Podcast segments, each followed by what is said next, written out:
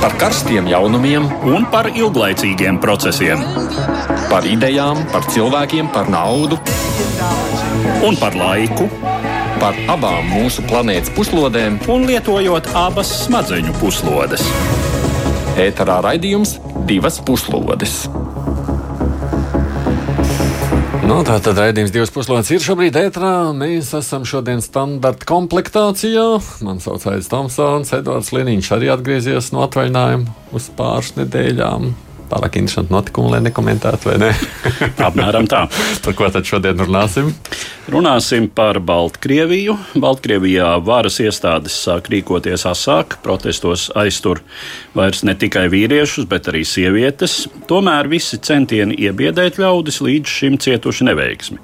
Vislielāko rezonanci izraisījis mēģinājums izraidīt no valsts vienu no redzamākajiem protestu līderiem - Mariju Koļesņikovu. Viņas līdzgaitnieki nokļuvuši Ukrainā, pastāstīja, ka Koļesņikova īstajā brīdī uz robežas saplēsusi savu pasi un tādā veidā palikusi Baltkrievijā.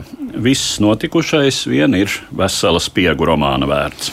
Mēs Baltkrievijai veltīsim lielāko raidījumu daļu. Tur ir tiešām daudz aspektu, par ko runāt. Bet nu, beigu daļā pievērsīsimies arī Taivānai un tur pieaugušajai spriedzē ar lielo kaimiņu Ķīnu. Notiekošais šajā Āzijas daļā lielā mērā liek nu, zīmēt paralēlus arī ar notikumiem tepat Eiropā. Studijā kopā Jā. ar mums Studijā kopā ar mums ir laikraksta diena komentētājs, žurnālists Andris Seglnieks. Sedlnieks. Labdien, Andi! Sveicināti! Mēs sāksim kā parasti ar dažām ziņām īsumā.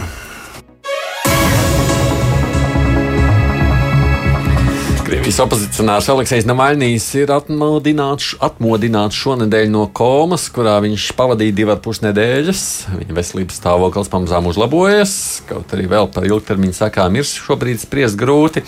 Tikmēr starptautiskajās attiecībās viņa indēšanas spriedzes temperatūra turpina kāpināt. Maskava joprojām noliedz jebkādu saistību ar notikušo, un krimināllieta par indēšanu tā arī nav uzsākta. Bet Eiropas komisija brīdināja, ka tās gaidīšanas laiks tuvojas beigām, un Briselē nāksies uzsākt diskusiju par iespējamām jaunām sankcijām. Tikpat aktuāls ir jautājums par Vācijas reakciju, vai tā uzdrošināsies paziņot par Nord Stream 2 projektu apturēšanu. Izskatās, ka pati Maskava šādam notikumu scenārijam pagaidām netic. Tikmēr Vācija ir nodevusi savāktos paraugus un iegūtos rezultātus starptautiskajai ķīmisko ierieču, ieroču aizlieguma organizācijai, jo Novičok, ar ko ir indēts Navaļnīs, ir vēl PSRS laikā izstrādāts ķīmiskais ierocis.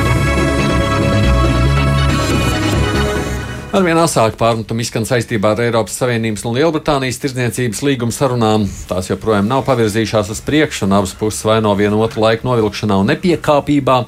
Tomēr šobrīd Eiropa šķiet vairāk uztrauc trešdien publiskotais projekts, ka Lielbritānija varētu neievērot vairākus noslēgtos punktus Brexit līgumā.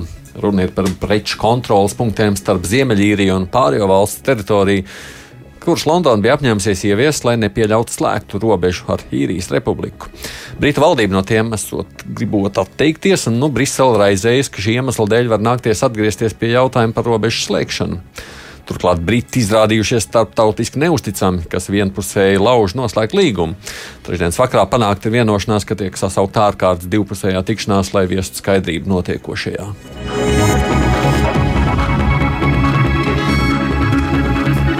Jaunajam koronavīrusam izdodas ne tikai apturēt turismu nozaru vai ietekmēt ekonomiku, tam izdodas arī būtiski ietekmēt daudz valstu politiku. Eiropas parlaments nerīkos sesiju Strasbūrā, savukārt Beļģijā Covid-19 dēļ vēl kādu laiku nebūs jaunas valdības. Beļģijai kopš jaunā koronavīrusa krīzes sākuma martā ir mazākuma valdība. Šajās dienās bija plānots pielikt punktu ilgajām koalīcijas sarunām, bet visu plānu apturēt pēc tam, kad noskaidrojies, ka viens no diviem sarunu vidutājiem inficējies ar koronavīrusu. Covid-19 tests ir bijis pozitīvs Flāmu liberāļu partijas līderim Egbertam Lahārtam, kuram turpmākās divas nedēļas jāievēro karantīna. Tieši viņam kopā ar Flāmu sociālistu līderi bija uzticēts izkļūt no strupceļa, un bija paredzēts, ka piekdien viņa ziņot Karolim par jaunu septiņu partiju koalīcijas izveidošanu, bet nu šie plāni apturēti. Venecuēlā turpinās politiskā pretstāve. 37 Venecijas opozīcijas politiskās partijas pirmdien noslēdza paktu, kas 6. decembrī paredzētās parlamentu vēlēšanas ir noraidāmas kā neleģitīmas. Tā paziņoja opozīcijas līderis Juan Gvaido birojas.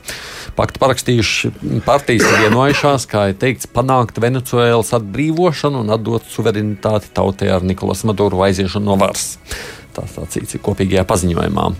Laikraksts El Nacionāli ziņoja, ka paktam pievienojušās arī 105 pilsoniskās sabiedrības organizācijas. Ne visa opozīcijā ir vienota. Bijušais divkārtais prezidenta kandidāts Enrika Kapriles un parlamentārietis Stalins Gonzales sarāva attiecības ar opozīciju, noraidot vēlēšanu boikotu. Venecijas valdība pirms nedēļas paziņoja par 110 politisko pretinieku apžēlošanu, lai veicinātu opozīcijas piedalīšanos vēlēšanās. Tomēr izskatās, ka tas Nikolasam Maduro nav īpaši palīdzējis. Un vēl noslēgumā aptuveni trešdaļa Vācijas iedzīvotāji saka, ka pasauli kontrolē slepena vara. Tā liecina Konrāda Adenauera fonda aptaujas rezultāti. 11% respondentu atbildējuši, ka tas, kas slepena vara kontrolē norises pasaulē, noteikti ir patiesība. Gandrīz 20% pauda viedokli, ka tas droši vien ir patiesība. No tiem, kas atbalsta šādu uzskatu, 13% domā, ka pasauli kontrolē uzņēmumi, bankas un finanšu kapitāls, 12% saka, ka kontrole pieder slepeniem dienestam, CIP vai Mossad vai KGB. Bet 11% pauda viedokli, ka notiekošo pasaulē kontrolē bagātās ģimenes, tādi kā Rockefeller vai Rothschild. 27% gan teica, ka apgalvojums, ka pasauli kontrolē slepena vara, visticamāk būs nepareizs, un vēl trešdaļa pauda pārliecību noteikti, ka tas ir nepareizi. 8% nesot viedokļi tikai šajā jautājumā. Bet nu pievēršamies tam, kas šajās dienās notiek Baltkrievijā. Šī ir piektā masu protestu nedēļa Baltkrievijā, turpinoties sabiedrības pretstāvēji ar neleģitīmo prezidentu Aleksandru Lukašenko un viņa režīmu. 6. septembrī galvaspilsētā Minskā un vairākās citās pilsētās notika nu jau ierastie masu mītiņu un protesta gājieni. Minskā protestētāju skaits sasniedza 200 tūkstošus, kas atbilst aptuveni 10% pilsētas iedzīvotāju. Varas struktūras pretdarbojās, bloķējot lielākos pilsētas laukumus ar nožogojumiem un policijas autotehniku, kā arī cenšoties aizkavēt mazāku protestētāju kolonnu izkļūšanu no dzīvojamajiem rajoniem. Uz laiku tika bloķēts vairākas tīmekļa lapas, slēgts vairākas metro stācijas. Neskatoties uz to, protestētājiem tomēr izdevās sapulcēties pilsētas centrā. Pēc apmēram pusotras stundas policija uzsāka mītiņu izklīdināšanu, arestējot tos, kuri pretojās, pie tam vīrieši tika arī piekauti. Baltkrievijas iekšlietu ministrija atzinusi, ka svētdien visā valstī aizturēts 633 cilvēki, no kuriem 363 paturēti apcietinājumā, un pret viņiem uzsākta tiesvedība. Šonadēļ režīms vērsās pret tiem opozīcijas koordinācijas padomus locekļiem, kuri līdz šim joprojām bija brīvībā un nebija pametuši valsti. 7. septembrī Minskā nenosakāms piedarības maskota ļaudis nolaupīja Mariju Koļešņikovu, prezidenta kandidāta Viktora Babariko pārstāvi un spilgtāko figūru koordinācijas padomē. Vakar kļuva zināms, ka varas pārstāvji mēģinājuši piespiest Koļešņikovu pamest valsti, taču viņa pretojusies arī saplēšot savu pasi. Šobrīd opozīcijas līderi atrodas apcietinājumā Minskā un viņai izvirzīta krimināla apsūdzība par aicināšanu uz varas gāšanu. Tāpat vakar tika arestēti atlikušie koordinācijas padomus locekļi - juristi Maksims Naks un Ilja Saļais. Kā jūs novērtējat, par ko liecina šie pēdējās nedēļas notikumi, uz kuru pusi šī situācija tagad virzās? Nu, es jau vairāk kārt esmu paudis viedokli, ka situācija virzās uz Lukašenko pusi. Tāpēc, ka, nu, teiksim, tā, ja viņš vienkārši ir lēnām un sistemātiski. Mēs varam pat uzskaitīt, kāpēc. Ja, teiksim, viņa, viņa pusē ir visas drošības struktūras, visa armija, visas varas struktūras. Ja. Viņam ir pietiekams priekš viņa varas saglabāšanas starptautiskais atbalsts no Krievijas un Ķīnas. Ja. Viņš būtībā ir pārņēmis uh, dienas kārtību, ja. protesti, teiksim tā, viņi, nu, viņiem nav kaut kāda konkrēta, viņi vai nu baidās nosaukt, vai nav konkrēti mērķi, jo Lukašenko ej prom, tas, nav, tas ir tikai tāds, nu, lo, būtībā lozungs ir jautājums ir par to, ko jūs darīsiet pēc tam, ja saucās.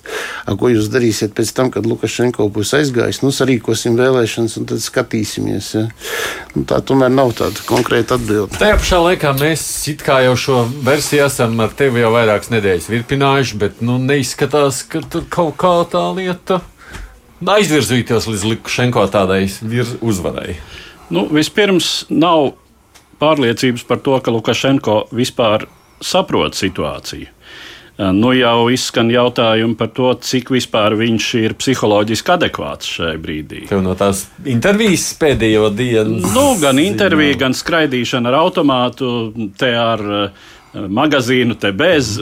viss. Tur bija Varšava, bija no Vašingtonas saņēmusi tiešo ziņojumu, ka viņu helikopters pacēlies un viss bija bēguši. Tāpēc viņš bija skaidrs, automāti neredzēja to interviju Krievijas televīzijā. Nē, to, to es, nu, īsāk sakot, visi šie skati, tas, tas ir viens. Es domāju, ka īsā perspektīvā, protams, Lukašenko ir instrumenti, kā Eh, šos protestus, eh, nu, teiksim tā, kā, kā nepielaist eh, protestētājus pārāk tuvu savām rezidencēm, savām nu, arī teiksim, būtiskām valsts iestādēm, kā nepieļaut tādas protesta izpausmes, nu, kuras varētu viņam būt tūdaļ bīstamas. Par viņa spēju šos protestus noslāpēt pilnībā Par to jau nākas zināmā mērā šaubīties.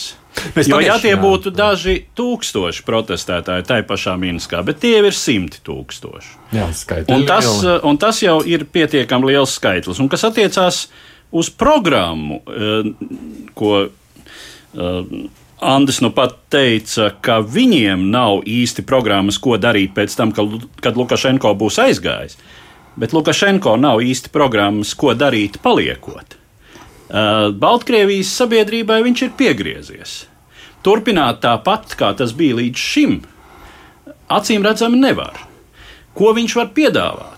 Neaizejot projām no, neaizejot projām no sevis, kā no Lukašenko. Jo grūti iedomāties, nu, cik ilgi tā var. Principā viņš it kā centās. Tur tas jautājums ir jautājums būtībā tagad ir tikai par pašu Lukašenko. Ja, saucās, cik viņš spēs adekvāti uz to visu vai neadekvāti norēģēt.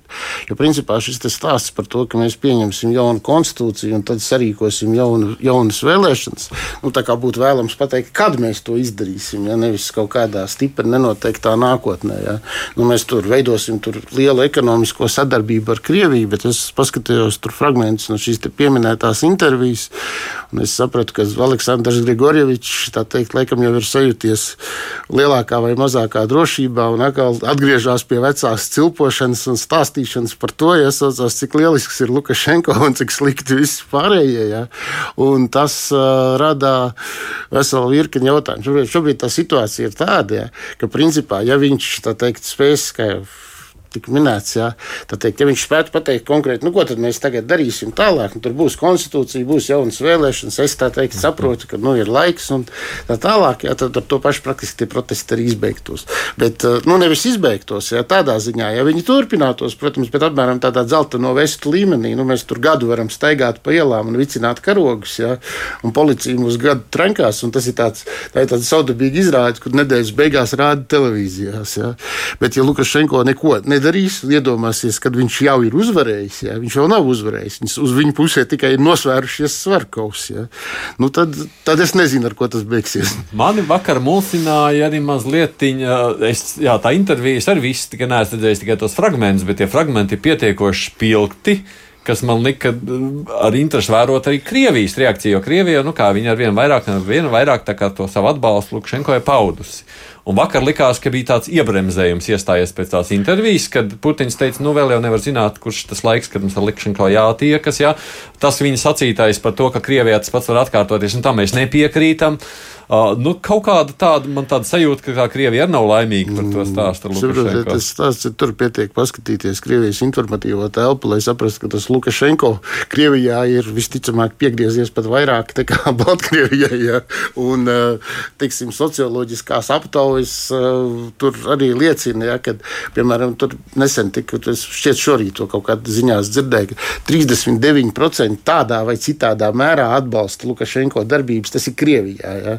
Nu, būtībā tas nozīmē, ka 61% bija 43%, kas vispār uzskata, ka nu, Dievs ir viņu, lai viņi tur dara, ko grib. Tā nav mūsu darīšana. Ja? Tā nav Krievijas darīšana. Un, principā, bet, nu, tur ir, ir visas šīs ekonomiskās intereses, ja? ir arī divi militāri objekti, visai ievērojami. Krievijas militāri objekti Baltkrievijā. Ja? Un tas viss, teiksim, un vēl viena lieta ir, ka tie arī tie noskaņu, nu, teiksim, Vēl viena Ukraina ir iespējama, ja tas nepavisam nav nereāli. Domāju, gan... Bet tajā pašā laikā var redzēt, ka arī esošā nu, par opozīciju lāga, nezinu, vai lāga saukt būtu, vai ne? Ja, nu, tie protestētāji Cihanovska vakar izplatīja paziņojumu vēlreiz ar aicinājumu Krievijas Jā. sabiedrībai, vai ne? Un tajā bija diezgan liels uzsvers vēlreiz arī uz politiku sakot, neticiet, ka mēs gribam pārtraukt attiecības ar jums, mēs tās saglabāsim. Nu, proti, tā sajūta, nu, kam jums tāds nu, ne muļķis Lukašenko vai kā lai saka, jā, nu, labāk ar mums draudzējieties. Tur, tur jau ir tā lieta, ka Lukašenko ir šobrīd lielākā Baltkrievijas, nu, nē, nu, viņš ir ne, ne šobrīd, viņš ir jau pārdesmit gadus lielākā Baltkrievijas problēma. Tajā skaitā, protams, viņš grib būt pietiekami varens un tāpēc arī, nu, teiksim, runāt uh, brīžiem neatkarīgu valodu ar Kremli. Uh, un, uh, jā, šai ziņā var pilnīgi piekrist, ka uh, Maskavai viņš nebūtu nav vērts. No vienas puses, no vienas puses viņš ir ekonomiski jābalsta visu laiku. Tādu politiku, ekonomisko politiku, kādu viņš uztur, var Baltkrievijā īstenot tikai ar Krievijas ekonomisko atbalstu. Nu, pirmām kārtām runa ir par energo materiālu, jā, tātad uh, naftas, gāzes cenām, kas Baltkrievijai joprojām ir labvēlīgākas, tātad ar zināmu atlaidi.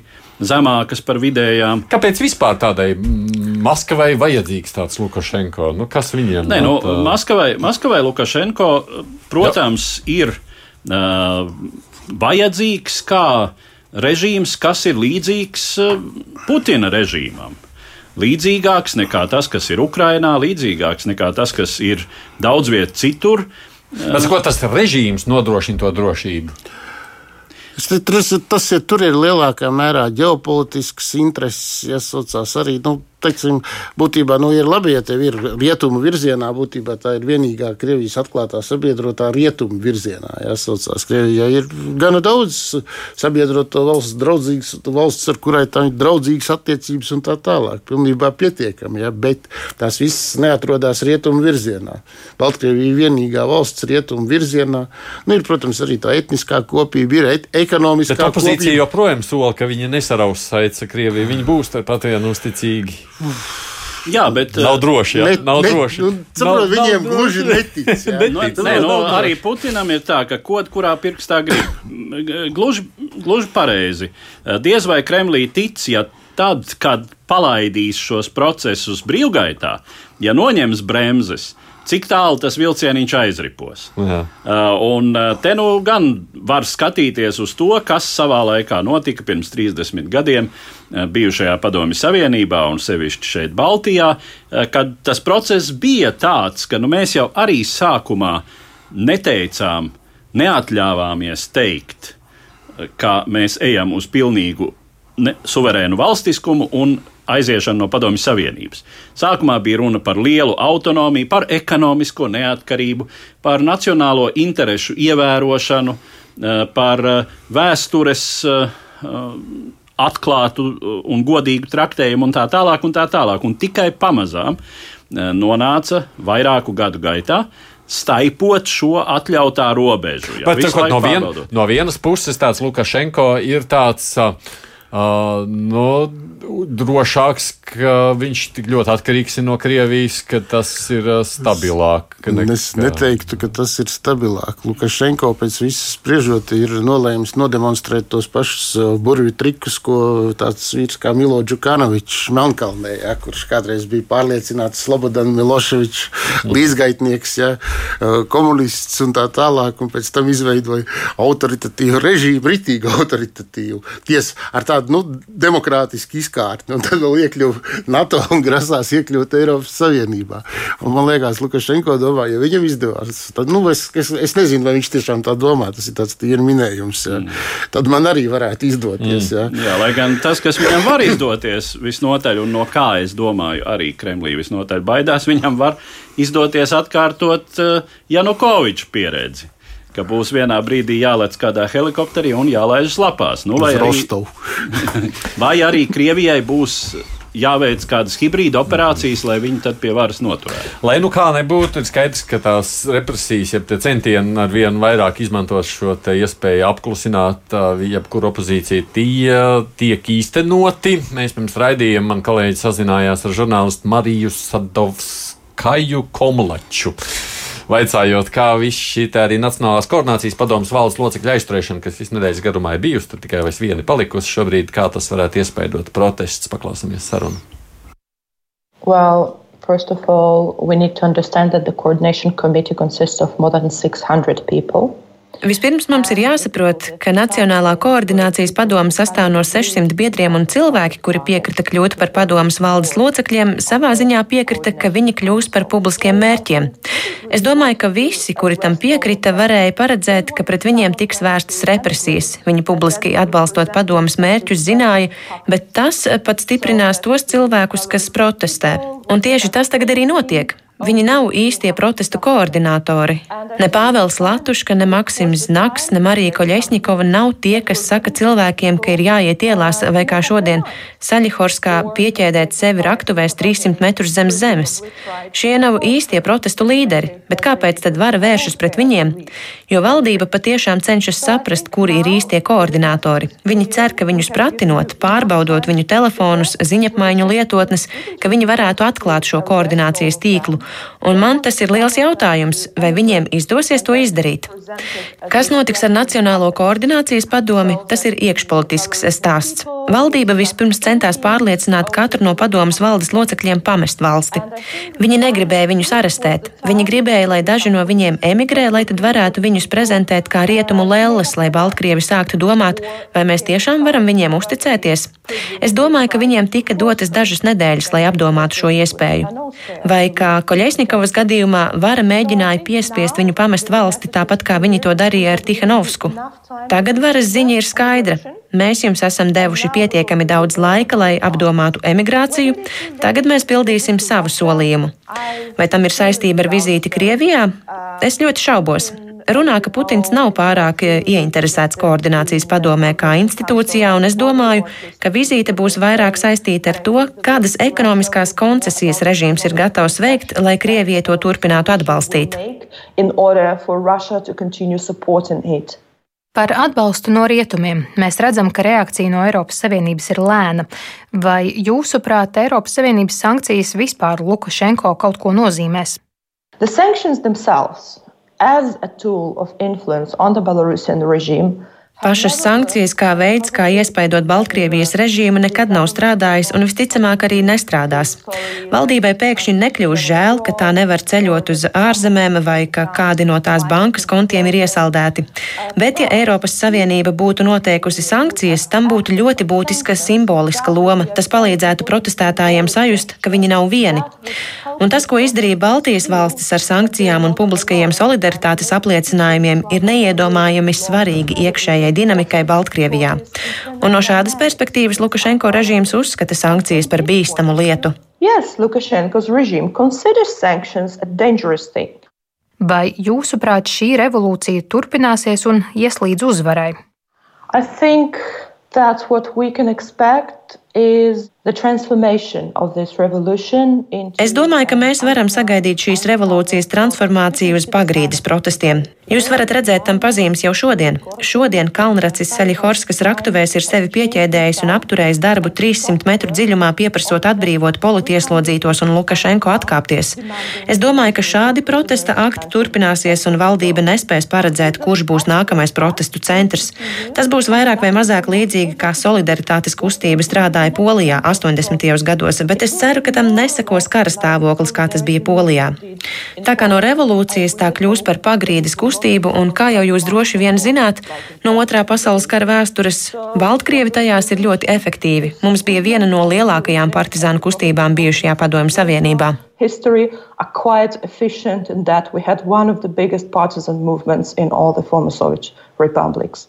Un tā žurnāliste Marija Sadovskaja Komleča, ko domā par pagrīdes kustību?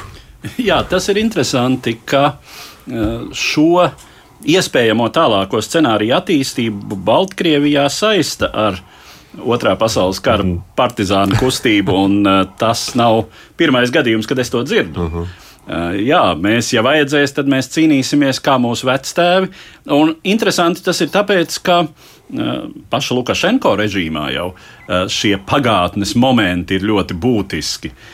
Tas, ka mēs, nu, patiešām otrā pasaules kara laikā pret nacistiskās Vācijas spēkiem Baltkrievijā cīnījās ļoti spēcīga partizānu kustība, un visa šī nacionālā mitoloģija ir ļoti dzīva joprojām.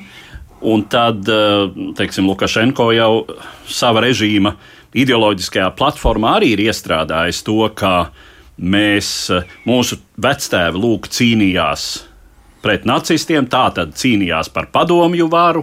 Tā tad mums arī ir jācenšas saglabāt viss tas labais, kas toreiz bija, un tā tālāk. Bet Lukašenko jau visu laiku tiek un... dēvēts par nacistu. Nu, vismaz tajā sociālajā tīklā jau faktiski viņu devē par nacistiem, no nu, tos nu, omaniešus. Nu, tā. Tieši tā, jā, un, un tieši tāpēc šie, šie motīvi ir ārkārtīgi apusgriezīgs zobens, ja tādus, ja tādus iestrādā un šādā veidā uztur. Un te tas parādās. Eh, nu, es nedomāju, ka te būs tādas tiešas analoģijas mm, ar kaut kādu tiešām bruņotu pagrīdes cīņu, diezin vai. Eh, bet eh, Polijas solidarnošķu kustības piemērs. Tur varētu būt zināmas sakarības, arī tajā skaitā, kā šī kustība veidoja savas saiknes ar atbalstītājiem ārpus Eh, Polijas, ar, ar katoļu baznīcu toreiz. Nu, mēs zinām, Jānis Pāvēlam II bija ļoti liela loma. Eh, līdzīgi tas varētu būt arī šajā gadījumā. Un, eh, tāpēc teiksim, šie koordinācijas padomus prezidija vai valdes, ja valdes locekļi, kas ir izraidīti no valsts. Un tāpat arī Tihanovska, kas ir izraidīta, nu, ja vien viņi um, teiksim, saglabās šo, mm, šo gatavību, uh, tad, tad viņi var veidot nu, teiksim, nosacīti pretestības centru uh, vai pat kādu paralēlu nosacītu valdību. Nu, viņi jau paši saka, ka šobrīd tas viņa pretestības centrs veidojas Viļņā. Viņi tur lēnā garā viss savāc. Un te, te ir svarīgi, tā... protams, te mums būs ļoti svarīgi, un es domāju, Baltijas valstīm tā būs diezgan liela izšķiršanās. Um, nu, iespējams, upurēt kaut kādas ekonomiskās intereses, riskēt, uh, tracināt Lukašenko un uh, droši vien riskēt arī ar Kremļa nepatiku, bet eh, šo atbalstu uzturēt, būt jā. gatavām šeit to sniegt. Ko tu domā, kā tas varētu izpausties? Nu, Lukašenko, jā, kolēģi netic, jā, ka tur varētu šobrīd kaut kas mainīties, jā, bet, nu, saka, te būs tā Ne, nu, teiksim tā, kaut kāda kustība, ja nu, teiksim, tie mērogi ir tādi, ja, ka kaut protestu aktivitātes kustība, ja, tas, viņa jau paliks, viņa nekur nepazudīs. Tas arī ir redzams, ka tie ļaudis, kas cenšas piebildīsim no polijas šo kustību koordinēt, ka viņi izmēģina dažādus veidus, ja, kā, ko, kā vēl varētu kaut ko uzkurināt. Tur ir mēģinājumi tur uzkurināt skolotājus, uzkurināt bērnu mm. vecākus, uzkurināt studentus un tā tālāk. Nu, bet, nu, tas, teiksim, tā, nu, studenti vidū vienīgais tāda atsaucība parādījās.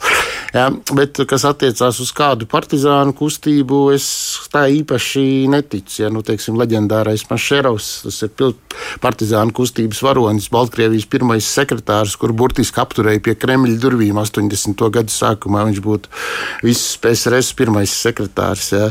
Un, teiksim, Lukašenko faktiski uzskata sevi par Mašerovu mantinieku. Ja. Baltkrievijas politiskā elite, viņa būtībā ir tās elites, ir tā retā valsts, kur tā komunistiskā elite pēc PSRS sabrukuma palika pie varas. Ja. Visi partorgi, rūpnīcu direktori, savhoz direktori un tā tālāk. Ja. Un viņi sev uzskata pēctecībā no Mašerova gandrīz vai. Ja. Jā, bet jautājums, vai, vai tas ejot laikam un Jā. sabiedrības noskaņojumam, tomēr virzoties kādā, kādā citā virzienā, vai tas vienā brīdī, mm. vai tas jau nav kļuvis viņiem par apgrūtinājumu. Bet es tiešām domāju, ka nu, kaut kā visi šie te Nu, Reizēm ir milzīgi absurdi. Viss šīs asās izrēķināšanās, viss tas nu, kaut kā norimsies, visi pieņems un dzīvos atkal tāpat. Es neteiktu, ka norimsies. Tas nav izdarāms. Tas nav izdarāms. Jā, es, dom, es domāju, ka. Var Lukašenko nāksies aiziet, ja saucās. Nu, principā, teiksim, viņš zaudēs arī Krievijas jebkādu atbalstu, ja viņš sāks tur līkumot. Ja. Es domāju, ka tā situācija mainīsies tad šajā gadījumā reāls variants, kad viņi varētu mainīties, ir tad, ja tiešām tiks pieņemta jauna konstitūcija un parādīsies kaut kāda daudzpartiju sistēma. Kad tas notiks, es nezinu, bet kādu citu risinājumu es neredzu, jo biedrs Aleksandrs Grigorjevičs ir stingri apņēmies palikt. Ja. Nu, kas nozīmē, ka viņš aizies tikai pēc saviem noteikumiem. Nē, nē, nu, ir, ir, protams, vismaz teorētiski iespējams Pinocheta scenārijs, kad vara tiek atdota pret drošības un nesodītības garantijām. Tātad Aleksandram Lukašenko tiek garantēts tas, ka viņa darbība, līdzšinējā darbība netiks izmeklēta, ka viņš netiks tiesāts, ka viņš uh, Eh, ka, ka viņa ģimeni eh, nekas tam līdzīgs arī neapdraud, un viņam nu, iespējams būs kaut kāds status. Parasti šīs garantijas nepārāk uzticams šķitušas pasaules vēsturē lielā daļā. Tas nav nu, darbojies no, kā vajag. Ir, ir un nav darbojies, ir bijis dažādi, bet, bet tas varētu būt variants. Es pieļauju, ka tas varētu būt variants, kas arī vislabāk patiktu patiktu Maskavai. Jo nu, mēs jau te visu laiku runājam par to, ka Kremļa vēlme visdrīzāk būtu nomainīt no nu jā. Lukašenko ar kādu patīkamāku, sabiedrībai pieņemamu cilvēku. Un es domāju, ka šādu kandidatūru visnotaļ var atrast Baltkrievijā, jo no Lukašenko ir ļoti sakoncentrējis varu tikai uz sevi un sev, savu tuvāko apkārtni. Viņam pat ir līdzās nav neviena cita spēcīga līdera. Nu, Valsts saraksts Kremlis nevar ciest Lukašenko Maskavu meklēt to aizstājēju. Vienkārši pagaidām bez viņa nevar. Nu, Lukašenko ļoti veiksmīgi visus potenciālos pretendentus uz Maskavas draugu lomu ir apkarojis ar tādu entuziasmu. Ja. Pret, riet, pret, tā, pret prorietumnieciskiem politiķiem viņš ir vērsies nesalīdzinām mazāk nekā pret promaskaviskiem.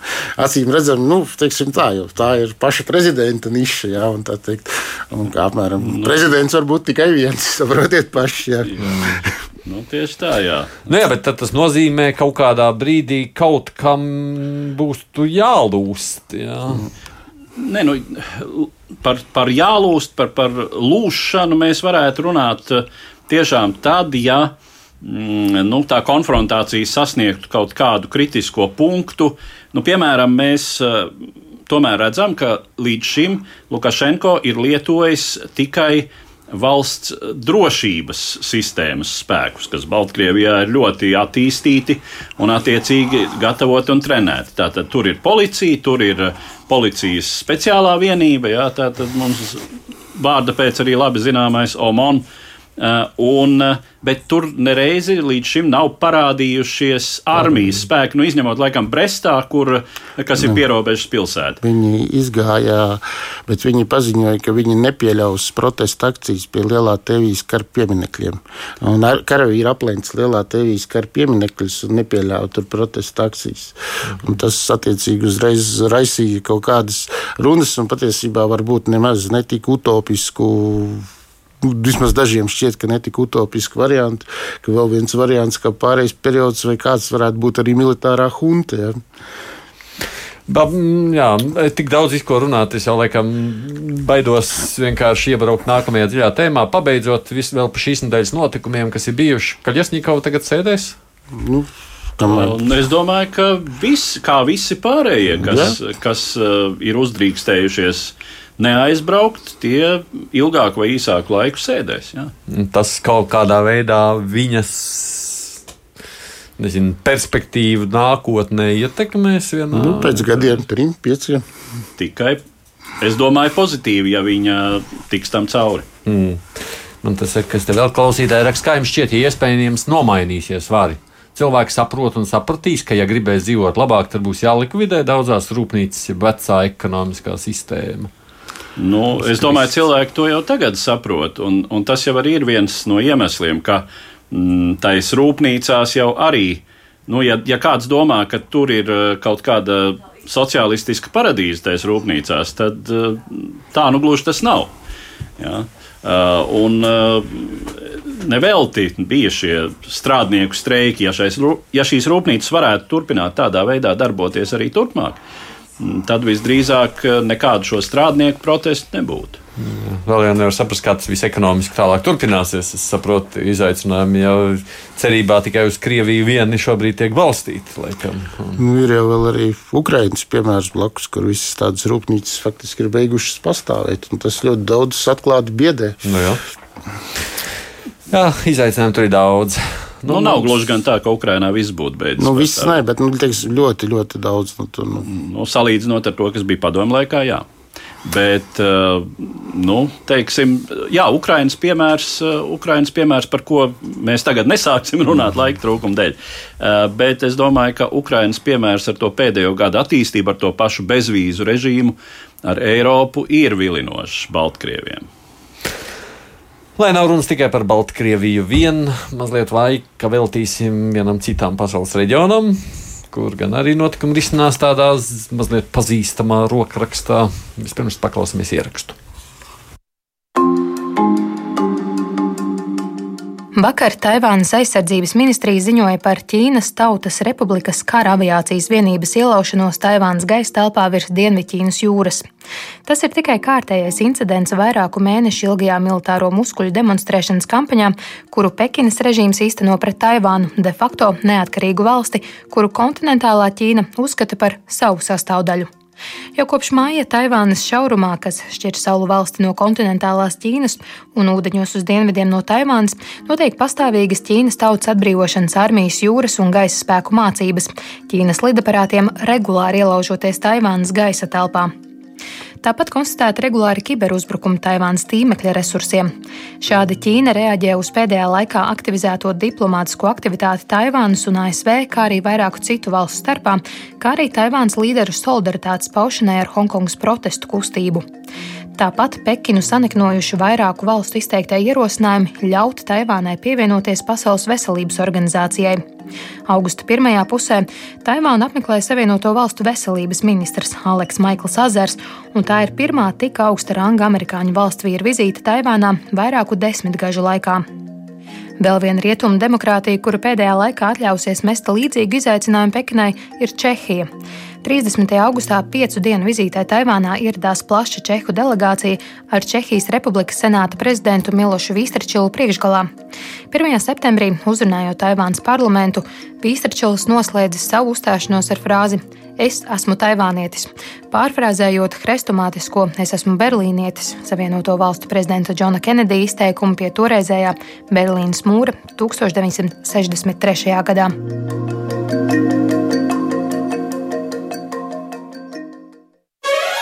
Divas puslodes. Atgādājot, studijā kopā ar mums žurnālists Sandrs Sedlnieks un mēs ar Eduardu Liniņu. Par ko liecina visi šie notikumi ap Taivānu? Un... Nu, tas ir, es teiktu, ka tā ir daļa no ASV un Ķīnas aizvien pieaugušās konfrontācijas mm. klusā okeāna reģionā, un Taivāna vienmēr ir balstījusies uz ASV.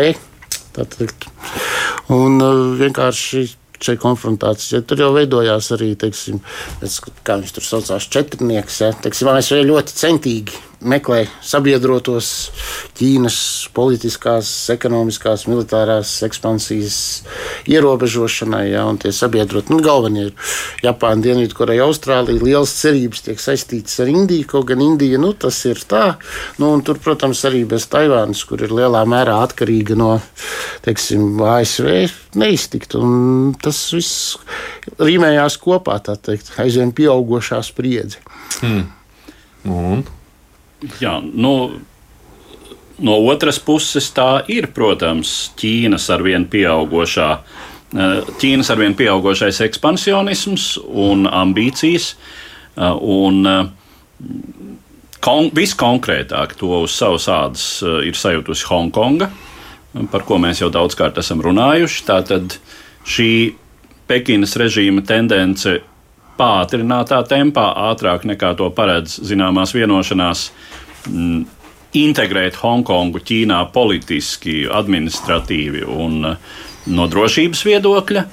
Uh, un uh, Taivāna ir nākamā, un tas, kas jau šobrīd vīd ziņu virsrakstos, vai Taivāna būs, varētu kļūt par Pekinas nākamo uh, ekspansijas upuri, uzskatot, nu, ka Hongkonga teiksim, ir tas pirmais solis. Bet Hongkongai jau tur ir zināms tiesisks pamats. Jā, protams, Hongkongu no, no Pekinas apskāvieniem glābt īsti, īsti nevar acīm redzot, jo patiešām tā ir Ķīnas sastāvdaļa. Nu, kas attiecas uz Taivānu, tad Taivānā tad Taivāna nekādā ziņā šobrīd nav kontinentālās Ķīnas kontrolē.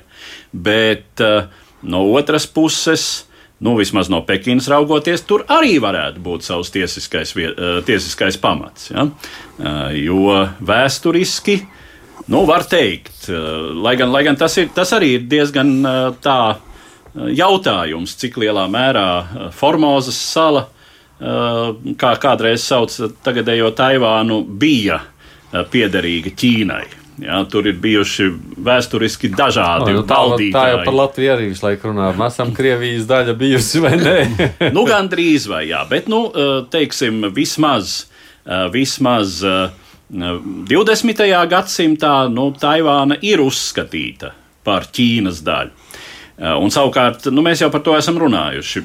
Paši taivānieši uzskata, ka viņi ir īstenie Ķīnas valstiskuma mm -hmm. mantinieki, Ķīnas republikas savulaik starptautiski atzīta subjekta mantinieki un nevis kontinentālā komunistiskā Ķīna.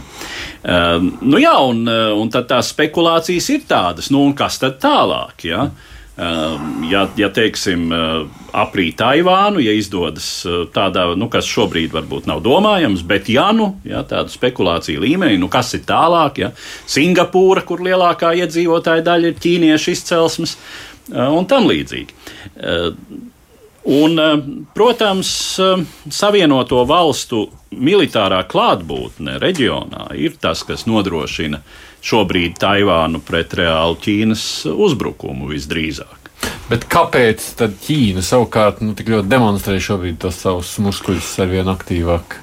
Nu, viņai tādi ir parādījušies. Pirmkārt, nu jā, viņai pēdējo desmit gadu laikā. Un otrkārt, ja tu esi lielvara, tad tev ir jārīkojas atbilstīgi lielvaras ambīcijām. Nu, un uh, ir arī tas, viņiem ir tāds klikšķis uz to, ka visiem ķīniešiem ir jāatrodas zem viena karoga. Ja. Piemēram, arī Taivanā tur katru reizi četros gados ieceļ visu Ķīnas provinču gubernatorus. Ja, tas ir pilnībā nopietnībā kaut kāds plāns apspriež, ko nu, Ķīnai vieglāk. Viņiem tikai viens tur gubernators jāieceļ, vai tur kompartijas priekšsēdētājs Taivanā. Taivanai tur ir liels skaits atbildīgi amatpersonu jāieceļ. Nu, tāda ir tā loģika, domāšana. Viena valsts, divas sistēmas. Mēs apvienosim visu vēsturisko. Teikt, teiksim, mums, tas ir tāds kā mēģinājums parādīt, ja, ka nu, visi šit, arī visi tie ekonomiskās attīstības plāni, kas ir, ja, nu, viņiem ir bijuši vairāki zelta laikmeti, viņiem ir vēsture vairāku tūkstošu gadu garumā. Ja, un, mēs atkal savāksim visus zem viena karoga, mums atkal būs jauns zelta laikmets, un viņš jau ir te pie durvīm. Ja, nu, protams, partijas un valdības vadībā, ja, un tā tālāk. Un tā joprojām. Bet tiešām Ķīna grasās iebrukt Taivanā. Es diezko nopietni šo iespēju šobrīd neuztveru, bet viņiem ir punkts par separātismu valsts likumdošanā. No viņu viedokļa skatoties, ja Taivana pasludinās sevi par neatkarību, tad tas status šobrīd ir ļoti dīvains. Ja? Un viņiem tas galvenās pretenzijas ir, nu, nu, tur, protams, pret Taivanas atzīšanu kā pret Ķīnas mantinieci, bet vēl lielāku teiksim, nervozitāti vai nepatiku izraisa doma, ka Taivana varētu pasludināt sevi kā neatkarīga valsts, jo tas principā liedz teikt, pievērsties tam principam, viena valsts, divas sistēmas. Ja. Nu jā, un, tas... un tāds punkts tur ir paredzēts, un teorētiski tas ir iespējams. Nu jā, un Ķīnas retorika arī ir tāda, ka tiklīdz jūs mēģināsiet deklarēt sevi kā de jure neatkarīgu, atšķirīgu no, no pārējās Ķīnas, jo, jo mēs visu laiku par to runājam. Taivānas šī brīža pozīcija ir nu, tā, vienkārši sakot, turpinās pilsoņu karš. Ja? Turpinās karš par to, kura ir pareizā Ķīna. Komunistu valdība Pekinā vai uh, tātad bijušo Ķīnas nacionālistu Gomiņdāna uh, mantinieki Taivānā. Ja Taivāna vienā brīdī pas, uh, pasakītu, ka mēs nepretendējam atgriezties lielajā Ķīnā, mēs būsim neatkarīga Taivānas valsts. Nu, tad, tad tīri teorētiski būtu jāiestājas šai situācijai, ko Anna jau pieminēja. Ķīnai būtu, un tā, tā retorika ir tāda, ka tad mēs lietosim militāru spēku. Protams, šobrīd kāda militāra spēka lietošana pret Taivānu nozīmētu militāru konfrontāciju ar Savienotajām valstīm. Tiešām to nozīmētu. Jā, es domāju, viņiem ir aizsardzības līgums. Mm -hmm. tur, nu, tur ir vesela virkne līgumu. Savienoto jā. valstu klusā okeāna flotes, nu, faktiski, manuprāt, galvenais taktiskais mērķis ir Taivānas aizsardzība. Mm. Kas, nu, nu, bet grūti iedomāties šo situāciju. Nu, es, Nē, no, nu, tā, es, man kā prātā neietilpst. Nu, Nē, tur, nu, tur to, es domāju, neviens īsti negrib iedomāties, un tāpēc mēs arī par to runājam, tīri, tīri teorētiski. Tas visdrīzāk nekad nenotiks, bet visdrīzāk. Tā viss ir tikai tāda, nu, tāda ārēja PR demonstrēšana no vienas nu, Tiksim, no otras puses. Nu, no vienas puses, jā, no otras puses arī to pretenziju tur ir daudz un viņas ir dziļas. Tur ir, teiksim, tā, tur ir liels skaits visdažādāko teritoriālo pretenziju, ne tikai starp citu ar, ar Ķīnu, ja tur ir vēl citu valstu starpā. Un, principā, tas ir viens, un nu, teiksim, tās domstarpības tur ir daudz un dziļas, un tās ja, var, var dažādi izmantot. Un otra lieta ir, ka būtībā klusais okeāns, šis reģions, viņš faktiski kļūst par galveno, teiksim, nu, es nezinu vai nu jaunā augstā kara vai jaunās ģeopolitiskās konfrontācijas, vai kā lai to nosauc, jā, cīņas arēņa. Jo tie galvenie spēlētāji jau vistuvāk viens otram atrodas klusajā okeānā. Tur, tā teikt, kaislības sit augstu vilni. Kas atcerās augsto karu, tad nu, tur drīz varētu iet uz to pašu pusi. Es vienīgais piebildīšu arī Taivanā ir ļoti nopietna partija atbalsta teikt, ciešu sadarbību ar kontinentālo Ķīnu. Ja. Jā, šī partija pat bija pie varas. Jā, viņa bija pie varas, viņa diezgan, jā, nacionālistu partija, tā arī saucās nacionālistu partija, viņa bija pie varas, un viņi diezgan daudz patiesībā gana daudz izdarīja. Ja, tur, tur bija apusējās vizītes, un tur ik pa brīdim parādījās pirmoreiz, pirmoreiz, pirmoreiz. Ja, bet tad kaut kā kaut kā, kaut kā tā sagrozījās, kad atgriezās tie nepareizie vai pareizie, kā nu kuram šķiet. Jā, jā, un, jā, nu. jā. un, protams, tā ir šī brīža situācija, tā ir pandēmijas ietekme, eh, kura ir pamatīgi pabojājusi gan Ķīnas starptautisko reputāciju, eh, gan Ķīnas ekonomisko ietekmi visnotaļ. Uh, un mēs redzam, ka tūdaļ, ne, tūdaļ Taivānas svars starptautiskajā arēnā pieaug. Mm. Sākot ar to, ka nu, Taivāna reizumis aizstāja um, sejas masku piegādes, no, kad tās nevarēja notikt vajadzīgajā daudzumā vai kvalitātē no Ķīnas. Um, nu, mēs redzam, ka valsts vizītes, starp citu, uh, lasot uh, tīmeklī, uzdūros tāda resursa, šķiet, ka Taiwan Times uh, rakstam par to, ka Taivānas parlaments ļoti vēlētos aktivizēt uh, arī attiecības ar trīs Baltijas valstīm. Nu, lūk, man te Jānis saka, bet Baltijas valstīm vajadzētu aktīvāk atbalstīt Taivānu, vismaz neklusēt par šo Ķīnas patvēru. Nu, teiksim, paskatīsimies teiksim, pēc kādiem ekonomiskajā kartē vai ko. Ja mēs te runājām par Baltkrieviju. Nu, Nauda, nauda, nauda nu, tranzīts, investīcijas. Nu, un arī teiksim, starptautisko attiecību loģika. Es domāju, ka šajā gadījumā Baltijas valstīm vajadzētu turēties pie tām vadlīnijām, kuras veido Eiropas Savienību kopumā. Un mēs, protams, varam tādā iekšējā ārpolitikas procesā runāt, bet, bet šajā gadījumā par, par šī reģiona lietām mums būtu jārunā caur Eiropas Savienību, kas tā nav īsti Baltkrievijas gadījumā. Lūk, Baltkrievijas gadījumā, es domāju, ir pareizi, ja Baltijas valstis un arī dzene, Polija šai ziņā ir īsteno... selektīvs savā pieejā. Nu, zināmā mērā, jā, bet, nu, nu, teiksim, mums jau ir, mums ir tradīcijas, mums ir vēsturiska pieredze. Jo, kā zināms, savā laikā, pirms 30 gadiem, Rīgā kādu brīdi bija Taivānas vēstniecība. Un pēc tam, pēc attiecīgas jā, Ķīnas spiediena, tā pazuda, respektīvi, laikam mm. pārtapa par informācijas biroju. Jā, un, un šad tad mums šo klausītāju atgādina un saka, bet nu re, mēs nodevām savus draugus taivāniešus. Es nezinu, vai mēs nodevām, jāsaucās, bet es, es pilnībā piekrītu tai ziņā, ka šis Baltkrievija tas ir tīri kaimiņi, jāsaucās. Un, nu, tur, tā, ir, tā, ir, tā ir viena lieta, bet, teiksim, vai mums vajadzētu, teiksim, lekt, lekt, uz, Ķīnu, lekt uz panas, kā, kā pirmajiem pieteikties uz kašķi ar vienu no pasaules lielvarām, par to es tiešām neesmu drošs. Hmm. Lai, tas, protams, varbūt izklausās tā, nu, bet nu, politika tomēr ir iespēja iespējamais. Ja? Tas nav vēlamais, bet iespējamais. Jā, bet, nu, ja teiksim, kāda Latvijas parlamenta sadarbības grupa aizbraukt uz Taivānu.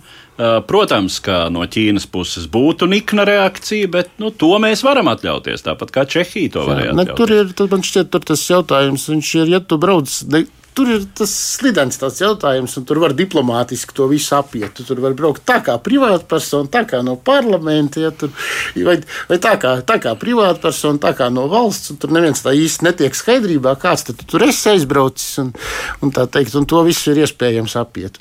Ak, šī glumā politika. Nu, Ar to arī beidzam.